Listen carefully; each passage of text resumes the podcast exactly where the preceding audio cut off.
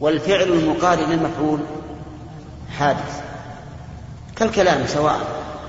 أصل الكلام أزلي وما يتكلم به عز وجل حين يتكلم فهو حادث ولا, ولا مانع أن نقول بهذا أليس الله يقول ولما جاء موسى لميقاتنا أتموا متى كان الكلام حين المجيء لم يكن من قبل فالأمر في هذا واضح الحمد لله فالبخاري رحمه الله في هذا أشار بهذا إلى أن أفعال الله لازمة له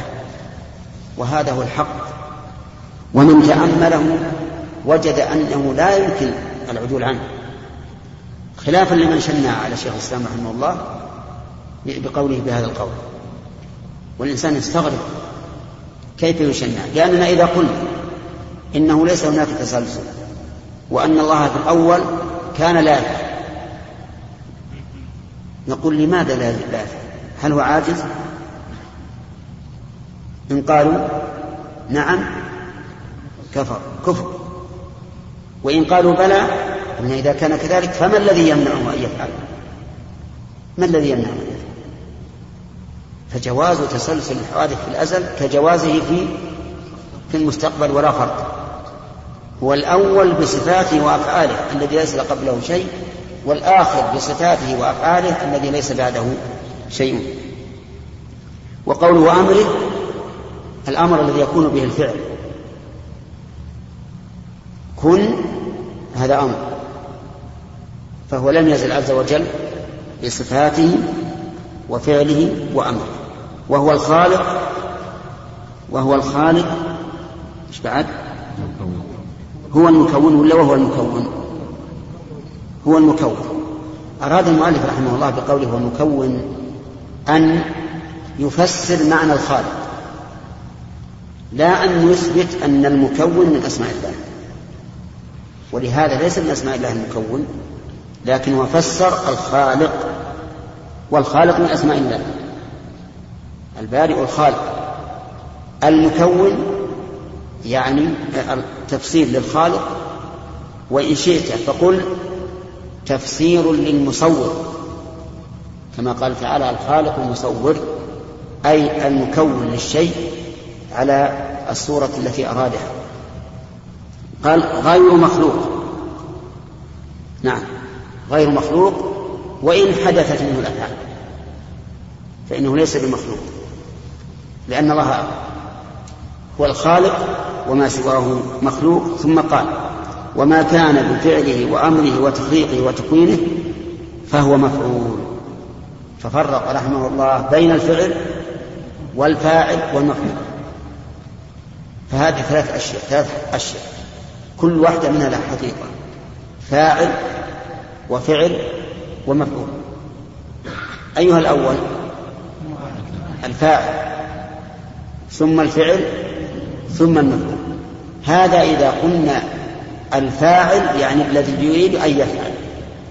أما إذا قلنا الفاعل الذي قام به الفعل فالفعل سابق على الفاعل لأنه لا يصدق عليه أنه فعل الحقيقة إلا بعد وقوع الفعل واضح؟ طيب ها؟ طيب الفاعل الأصل أنه لا فعل إلا بفاعل أليس كذلك؟ فإذا قلنا لا فعل إلا بفاعل لزم أن يسبق الفاعل إيش؟ الفعل ولا مفعول إلا بفعل وش السابق؟ الفعل طيب لكن إذا أريد بالفاعل حقيقة إذا أريد بالفاعل حقيقة الفعل فهنا يجب أن يسبق الفعل الوصف بالفاعل يعني ما يكون فاعل حتى يفعل طيب أنا مثلا أنا ناطق ناطق حقيقة أو حكما نعم حق لا ما أكون ناطق حقيقة حتى أنطق لكن قبل أن أنطق أكون حكما ناطق ولا يمكن نطق إلا بوجوده فالناطق سابق على النطق والمنطوق به متأخر عن النطق لكن إذا أردت حقيقة وصفه بالفعل فإنه لا يمكن أن يكون فاعلا حتى إيش حتى طيب يقول هو نعم يقول و... و... وما كان بفعله وأمره وتخليقه فهو مفعول عائد على بفعله مخلوق عائد على تخليقه وأمره والحاصل من هذه الترجمة أن المؤلف رحمه الله أراد أن يبين أن ما سوى الله مخلوق وأن الله وحده هو الخالق وأنه عز وجل رب بفعله ووصفه بأفعاله وصفاته فلم يزل فعالا ولم يزل موصوفا بصفاته الكاملة وأن الخلق حادث الخلق اللي هو المخ... الذي هو المخلوق حادث نعم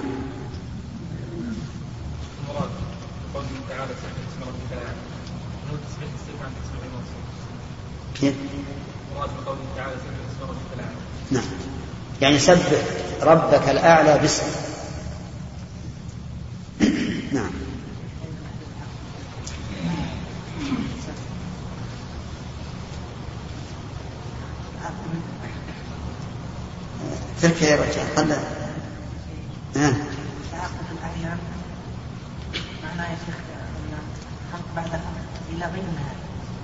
خلق بعد خلق إلى غير نهاية في المستقبل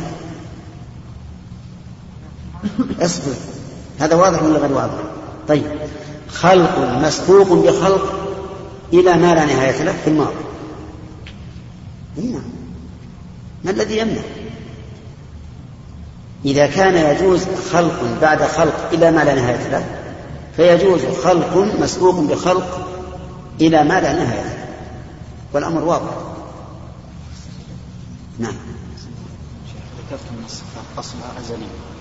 نعم نعم افعال إيه.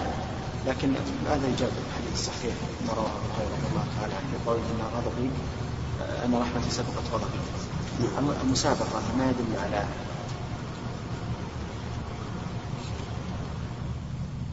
سمعتم سؤاله؟ يقول انتم قلتم ان الصفات الفعليه اصلها ازلي فما الجواب عن قوله إن رحمتي سبقت غضبي المعنى إذا وجد مقتضى الغضب ومقتضى الرحمة فالرحمة تسبق هذا المعنى ليس ما سبقت في الأزل المعنى إذا وجد شيء يوجب غضب الله ورحمة الله فالرحمة تغلب وتسبق نعم حدثنا سعيد بن أبي مريم قال أخبرنا محمد بن جعفر قال أخبرني شريك بن عبد الله ابن أبي نمر عن كريب عن ابن عباس نمر عندي نمر مسكن الميم نمر نعم. نعم عن كريب عن ابن عباس رضي الله تعالى عنهما قال بت في بيت ميمونة لي بت في بيت ميمونة ليلة والنبي صلى الله عليه وسلم عندها لأنظر كيف صلاة كيف صلاة رسول الله صلى الله عليه وسلم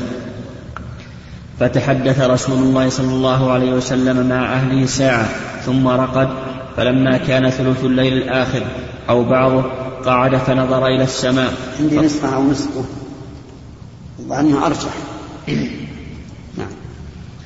قعد فنظر إلى السماء فقرأ إن في خلق السماوات والأرض إلى قوله لأولي الألباب ثم قام فتوضأ واستن ثم صلى إحدى عشرة ركعة ثم أذن بلال بالصلاة فصلى ركعتين ثم خرج فصلى للناس الصبح ما هي صلة ميمونة بابن عباس خالته أخت أمه وابن عباس رضي الله عنه ذكي عاقل حريص على العلم حتى انه كان ياتي الى الرجل من اصحاب الرسول عليه الصلاه والسلام في القيلوله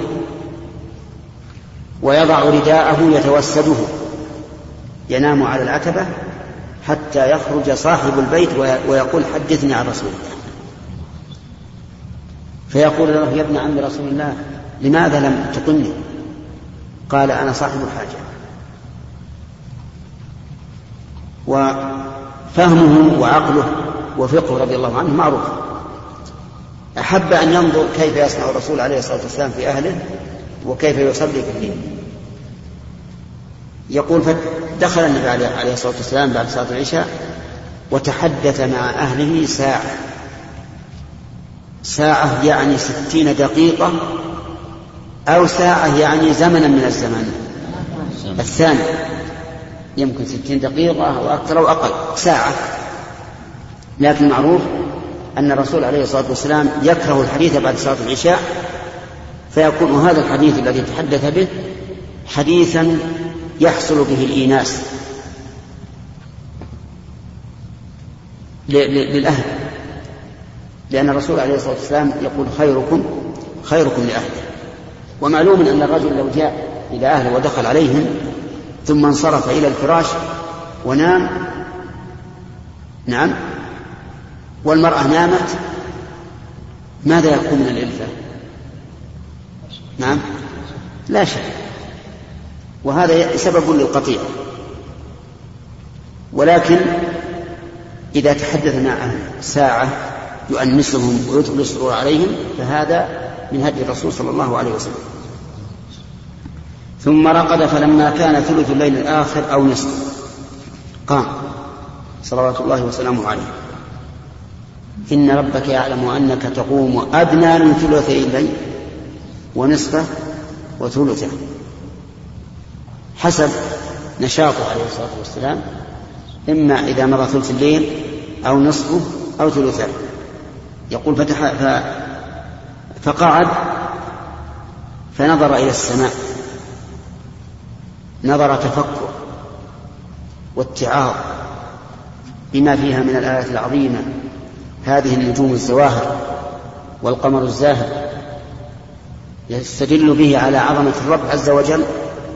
وحكمته ونظام هذا السماء العظيم فقرأ إن في خلق السماوات والأرض إلى قوله لأولي الألباب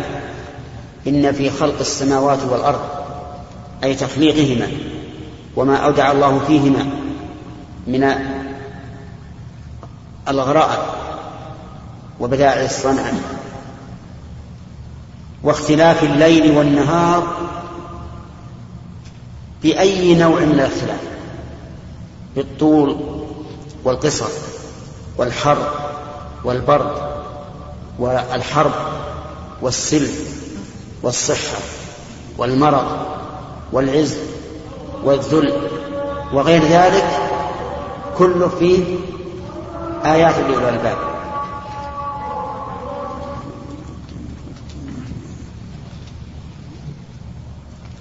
واختلاف الليل والنهار لآيات لأولي الألباب آيات جمع آية وهي العلامة الدالة على ما لله تعالى من الحكمة والرحمة وغير ذلك مما تقتضيه هذه الاختلافات وقول الآيات هل المعنى في كل واحد منها آية آيات أو آيات موزعة على الجمع السابق الجواب الأول كل شيء من هذا فيه آيات عظيمة فمثلا ننظر النجوم فيها آيات في عظمها وكبرها ونورها وحركاتها وسكناتها ولونها بعض النجوم تجري تتحرك يلمع وبعضها ساكن وبعضها أبيض وبعضها يميل للحمرة وبعضها كبير وبعضها صغير وبعضها سائر وبعضها خالص كله في آية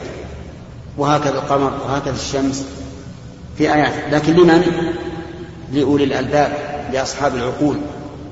أما الغافلون فلا ينتفعون بهذه الآيات ثم قام فتوضأ واستنى ثم صلى إحدى عشرة ركعة توضأ واستمع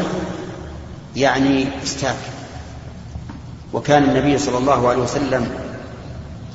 إذا قام من الليل يشوص فاه بالسواك هكذا قال حذيفة رضي الله عنه يعني يدلكه دلكا بغصب لأن الفم يتغير بالنوم واستدل أو استدل بهذا الحديث على أن القرآن يجوز لغير المتوضا لأن النبي صلى الله عليه وسلم قرأ قبل أن يتوضأ وهو كذلك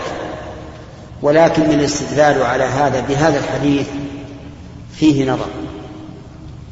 وذلك لأن نوم النبي صلى الله عليه وسلم لا ينقض الوضوء حيث تنام عيناه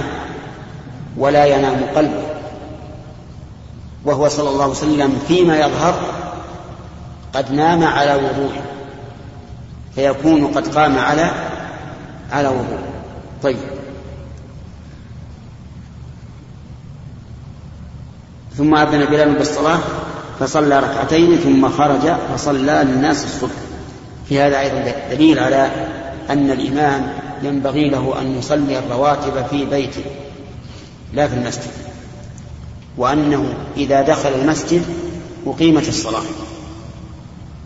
هذا في الصلوات الخمس أما في الجمعة فهو أوكد وبه نعرف أن ما يفعله بعض الأئمة من التقدم يوم الجمعة والصلاة والجلوس حتى يأتي وقت خروج الإمام ثم يقوم فيصعد المنبر أن هذا خلاف السنة هو يريد أن أن يحصل على أجر التقدم في الجمعة فنقول له أجر اتباع السنة أكثر من أجر التقدم فلا تتقدم لا تأتي إلا وقت صعودك إلى المنبر وكذلك بقية الصلوات لا ينبغي للإمام يعني السنة للإمام أن يتأخر في بيته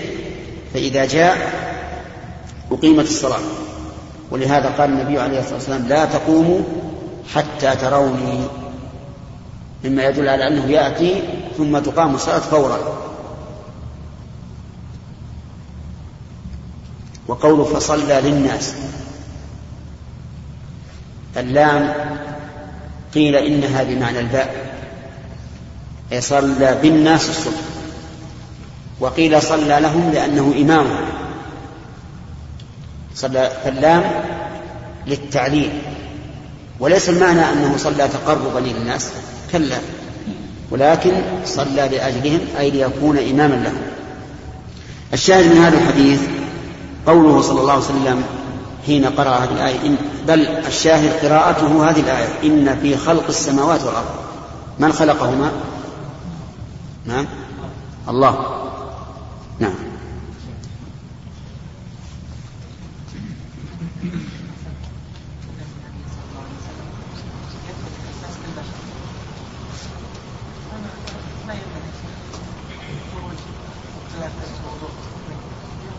لا لا ما يكون في نفسه يعني ما يحدث من فعله فهو يعلمه لكن الشيء الخارج ما يعلمه لا يعلمه ولهذا طلع الفجر عليهم في السبر ولم ولم يحس بها نعم تسلسل في الماضي لا يشكل عليه قول النبي صلى الله عليه وسلم هو الاول بلا بدايه. ايش؟ حديث النبي صلى الله عليه وسلم هو الاول بلا بدايه. لا يشكل على التسلسل في من قال بلا هذه عبارة لبعض المصنفين أما الرسول قال أنت الأول فليس قبلك شيء فليس قبلك آدم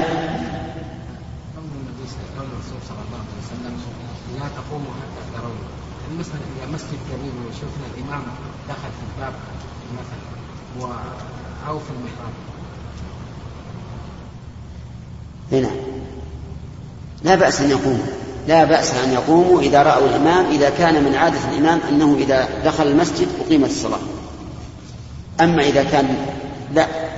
قد يدخل المسجد ويبقى يتسنن أو كان دخل المسجد ومعه من يحدثه فلا يقوم وقد عرفتم أن أن المشهور عند الحنابلة أنه لا يقوم أن المأموم لا يقوم إلا إذا قال المؤذن آه، المقيم قد قامت الصلاة نعم باب ولقد سبقت كلمتنا لعبادنا المرسلين حدثنا إسماعيل قال حدثني مالك عن أبي الزناد عن الأعرج عن أبي هريرة رضي الله تعالى عنه أن رسول الله صلى الله عليه وسلم قال لما قضى الله الخلق كتب عنده فوق عرشه إن رحمتي سبقت غضبي قوله تعالى ولقد سبقت كلمتنا لعباد المرسلين بقية الكلام إنهم لهم المنصورون وإن جندنا لهم الغالبون ففي قوله سبقت كلمتنا دليل على أن كلمة الله عز وجل فيها سابق ومسبوق وهو كذلك لأن الله يتكلم متى شاء يتكلم متى شاء وفي قوله لما قضى الله الخلق كتب عنده فوق عرشه إن رحمتي سبقت غضبي هذا أيضا مما سبق من كلمات عز وجل ما كتبه في أن رحمته سبقت غضبه ومعنى الحديث أنه إذا حصل فعل يكون سببا للرحمة وسببا للغضب فإن الرحمة تسبق الغضب ويرحم الله سبحانه وتعالى بها من شاء نعم حدثنا آدم قال حدثنا شعبة قال حدثنا الأعمش قال سمعت زيد بن وهب أنه قال سمعت عبد الله بن مسعود رضي الله تعالى عنه قال حدثنا رسول الله صلى الله عليه وسلم وهو الصادق المصدوق إن خلق أحدكم يجمع في بطن أمه أربعين يوما وأربعين ليلة ثم يكون علقة مثله ثم يكون مضغة مثله ثم يبعث إليه الملك فيؤذن بأربع كلمات فيكتب رزقه وأجله وعمله وشقي أم سعيد ثم ينفخ فيه الروح فإن أحدكم ليعمل بعمل أهل الجنة حتى لا يكون بينها وبينه إلا ذراع فيسبق عليه الكتاب فيعمل بعمل أهل النار فيدخل النار وإن أحدكم ليعمل بعمل أهل النار حتى ما يكون بينها وبينه إلا ذراع فيسبق عليه الكتاب فيعمل عمل أهل الجنة فيدخلها نعم هذا الحديث كالأول في بيان وجوز الكلام يقول يعني ابن مسعود حدثنا رسول الله صلى الله عليه وسلم وهو الصادق المصدوق الصادق فيما أخبر به المصدوق فيما أخبر به يعني ما كذب ولا كذب بخلاف الكهان فالكهان كاذبون مكذوبون لأن الشياطين التي تلقي إليهم السمع تكذب مع الصدق مئة كذبة وهم يكذبون أيضا أما النبي عليه الصلاة والسلام فهو صادق مصدوق صادق فيما أخبر به مصدوق فيما أخبر به فالوحي الذي أوحاه الله إليه صدق وخبره إيانا أو إخباره إيانا صدق وإنما قدم ابن مسعود هذه المقدمة لأنه سيتحدث عن أمر غبي غيبي لا يعلمه إلا الله عز وجل ولا سيما أنه في ذلك الوقت ليس هناك ليس هناك يعني طب متقدم يعرف الناس كيف يتطور الجنين قال إن, إن خلق أحدكم يجمع في بطن أمه أربعين يوما وأربعين ليلة يجمع الجمع ضد التفريق وذلك أن الحيوانات المنوية في النكهة الواحدة كثيرة جدا تجمع هذه لمدة أربعين يوم نطفة ثم بعد ذلك وأربعين ليلة نعم ثم يكون علقة مثله يتحول هذا المني إلى علقة العلقة دودة دقيقة جدا حمراء يكون هذا الحيوان المنوي علقة مثله أي إيش أي أربعين يوما ثم يكون مضغة مثله أي أربعين يوما والمضغة القطعة من اللحم بقدر ما يمضغه الإنسان في الأكل ولكن لا تظنوا أن هذا التحول يحدث طفرة واحدة بمعنى يبقى أربعين يوما منيا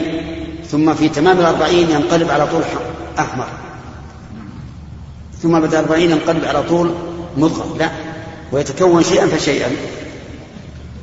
لكن يغلب عليه في الأربعين الأولى إيش أن يكون نطفة في الأربعين الثانية نقول علقة وفي الأربعين الثالثة يكون مطلقا ويتكون بإذن الله العظم واللحم كل شيء ثم يبعث إليه الملك الملك اسم جنس ويراد به الملائكة الموكلون بما في بطون بما في البطون فيؤذن بأربع كلمات أي يعلم يؤذن أي يعلم كما قال تعالى وأذان من الله ورسوله أي إعلام بأربع كلمات فيكتب رزقه وأجله وعمله وشقي أم سعيد يكتب الملك هذه الأشياء الأربعة الرزق ولكن يكتب الرزق بأسباب الرزق من أين يأتي؟ بيع شراء إرث هبات يكتب الرزق الأجل طويل أو قصير يكتب العمل يكتب عمل صالح أو عمل فاسد الشقي أو السعيد المآل مآله للشقاء أو مآله للسعادة كل هذا يكتب ولكن نسأل هل نحن عندنا علم بالمكتوب نعم لا ليس عندنا بما يكتب الملك الموكل بذلك عنده علم عنده علم متى يموت هذا الرجل كيف رزقه كيف أجله كيف عمله كيف مآله لكن نحن ليس عندنا علم ولهذا لا يمكن لأحد أن يحتج بهذا الحديث وما شابهه على معصية الله لأن نقول له لأننا نقول له لو احتج ما الذي أعلمك أنك من من, من الأشقياء؟ ما الذي أعلمك أن عملك سيء؟ أنت الذي اخترت وأنت لا تعلم أن عملك سيء إلا بعد أن أن تفعل طيب ثم ينفخ فيه الروح الروح من الأشياء التي لا تفنى إذا خلق الله عز وجل فإنها لا تفنى لأنها عند الموت تخرج من الجسد فقط وتنعم أو تعذب ويوم القيامة ترد إلى الروح إلى الجسد فهي من المخلوقات الدائمة التي خلقها الله عز وجل للبقاء ولذلك ليست من العناصر المعروفة يعني ليست من حديد ولا من خشب ولا من طين من عنصر الله أعلم به كما قال الله تعالى ويسألونك عن الروح قل الروح من أمر ربي وما أوتيتم من العلم إلا قليلا ولهذا تجدونها تتخلل البدن وتخرج منه في النوم من غير أن يشعر الإنسان وترجع عند اليقظة من غير أن يشعر بشيء دخل فيه أو خرج منه مع أنها لا شك أنها تخرج ولذلك يفقد الإحساس وتعود ولذلك يعود الإحساس فلهذا أمرها عجيب الروح أمرها عجيب ومن ثم قطع الله عز وجل علينا الوصول إلى حقيقتها فقال قل الروح من أمر ربي وما أوتيت من العلم إلا قليلا يقول عز وجل يقول الحديث ثم ينفخ فيه الروح والنفخ معروف والنافخ الملك كيف الملك ينفخ هو داخل في الرحم, نقول هذا ليس لنا أن نسأل عنه لأن هذا أمر غيبي وإذا كان الشيطان وهو عدو للإنسان يجري من ابن آدم مجرى الدم فالملك الذي يسير بأمر الله من باب أولى والشيطان كذلك يسير بأمر الله لكنه ابتلاء وامتحان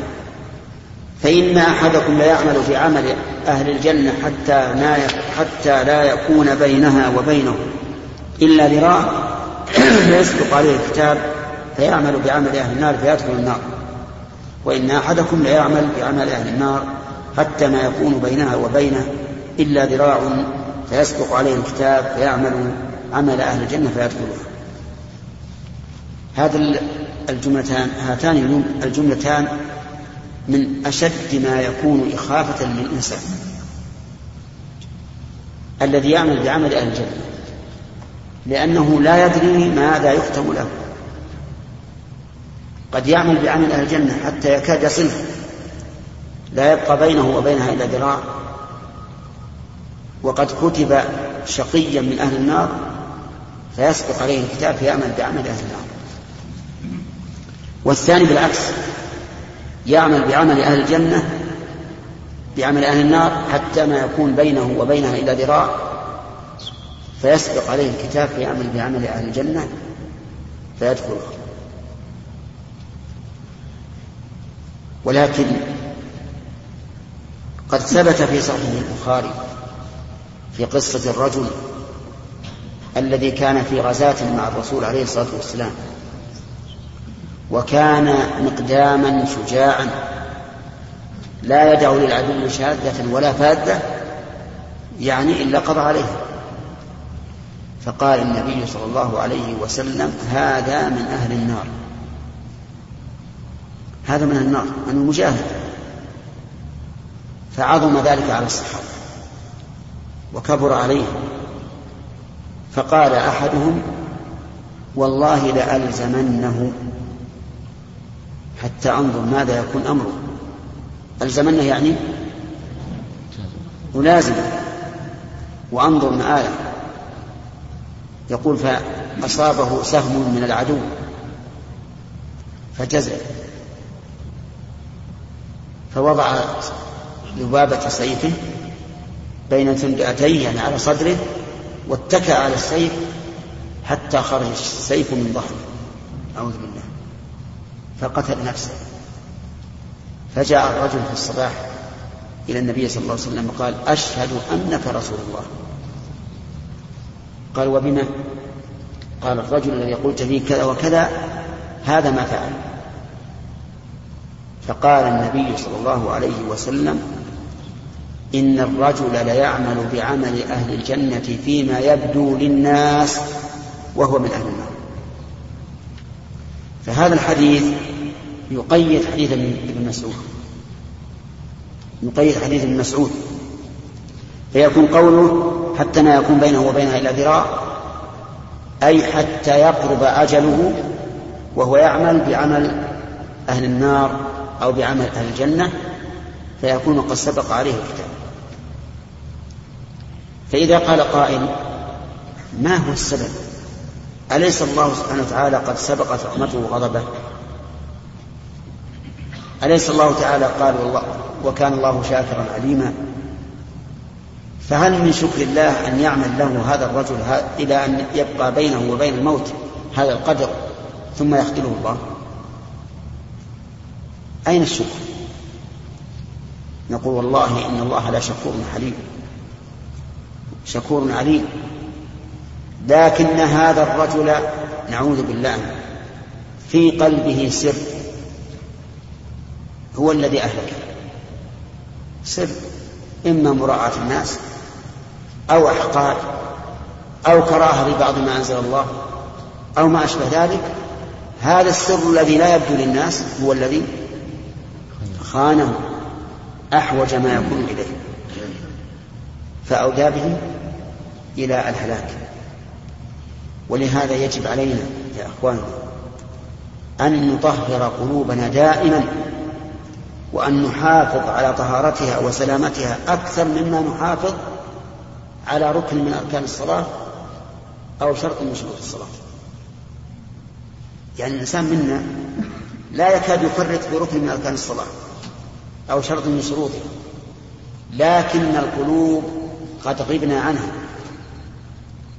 لا نسقلها ولا نطهرها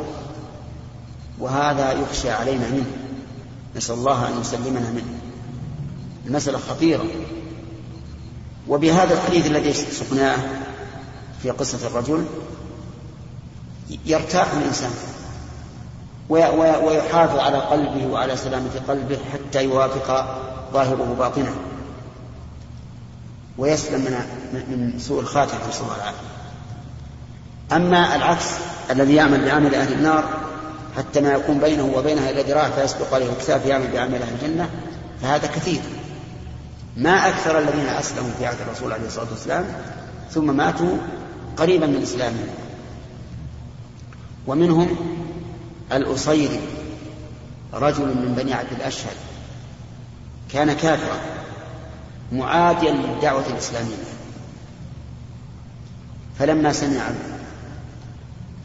بالخروج يوم أحد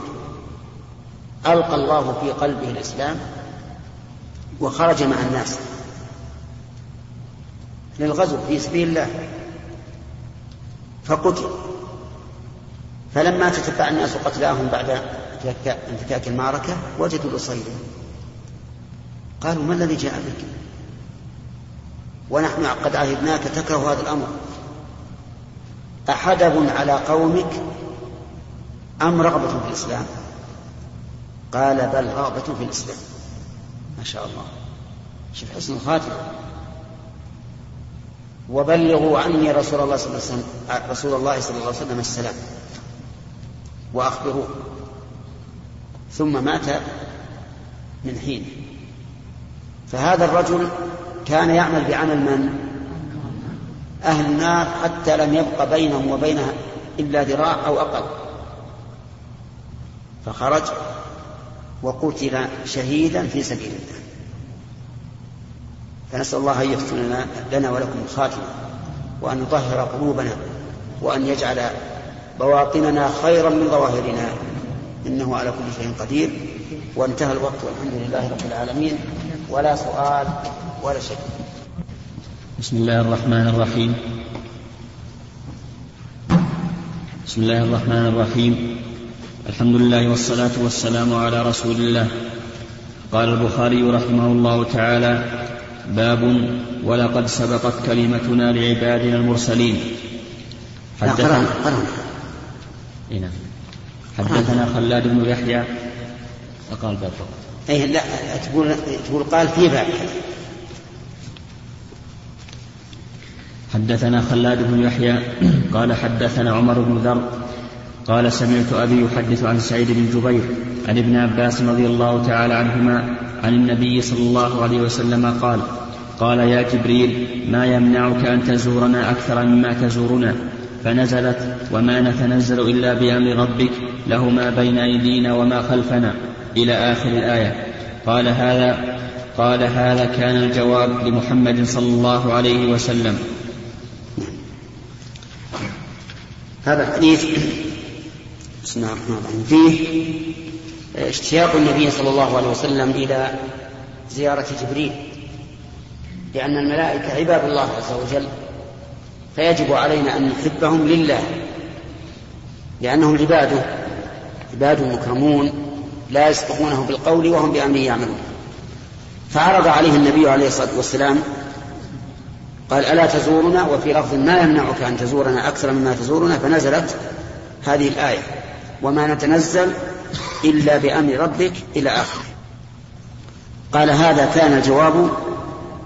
لمحمد صلى الله عليه وسلم جواب من الله عن عن قول الرسول عليه الصلاه والسلام جبريل ما منعك ان تزورنا اكثر مما تزور والشاهد في هذا الحديث ان قوله وما نتنزل كلام فهو كلام الله عز وجل حصل بعد أن قال النبي صلى الله عليه وسلم لجبريل ما منعك أن تزورنا أكثر مما تزور نعم نعم ايش؟ كملنا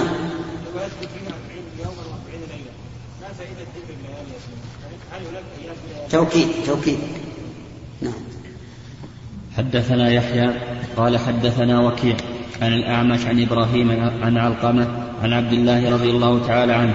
قال كنت أمشي مع رسول الله صلى الله عليه وسلم في حرف بالمدينة وهو متوكل على عسيب فمر بقوم من اليهود فقال بعضهم لبعض سلوه عن الروح وقال بعضهم لا لا تسألوه فسألوه عن الروح فقام متوكئا على العسيب وأنا خلفه فظننت أنه يوحى إليه فقال ويسألونك عن الروح قل الروح من أمر ربي وما أوتيتم من العلم إلا قليلا فقال بعضهم لبعض قد قلنا لكم لا تسألوا نعم هؤلاء اليهود يسألون الرسول صلى الله عليه وسلم تعنتا وتنطعا لا أنهم يريدون أن يرجعوا إلى حكمه لقوله تعالى وكيف يحكمونك وعندهم التوراة فيها حكم الله ثم يتولون من بعد ذلك وما أولئك المؤمنين فهم لا يحكمون الرسول عليه الصلاة والسلام ولا يسألونه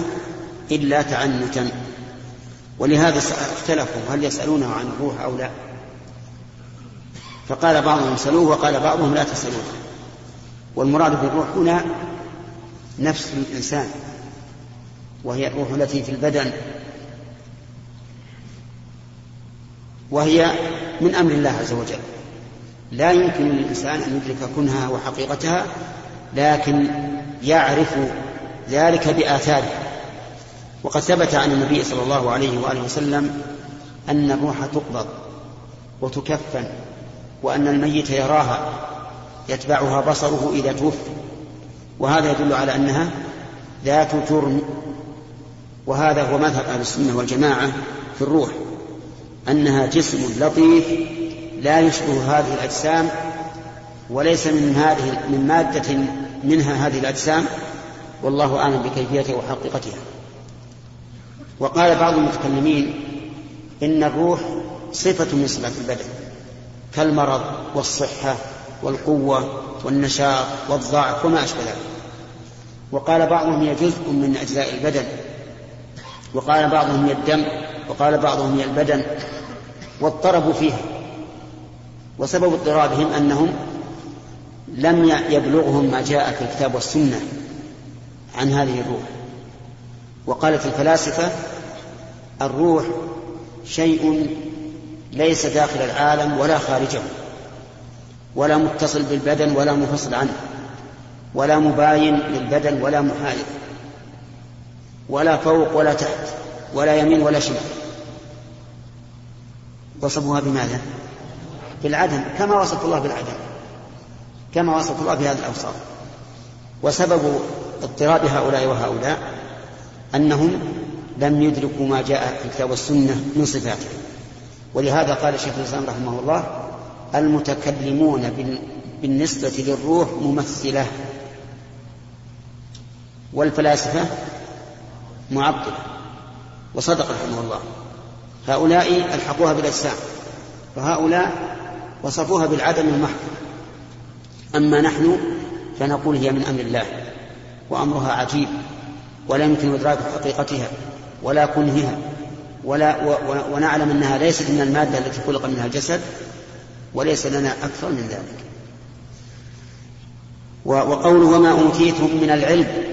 الخطاب للناس كلهم ما أوتوا من العلم إلا قليلا وكأن في هذا توبيخا وكأن في هذا توبيخا لهم يعني كأنه يقول ما فاتكم من العلم إلا الروح تسألون عنها فاتكم شيء كثير ما أوتيتم من العلم إلا قليلا وصدق الله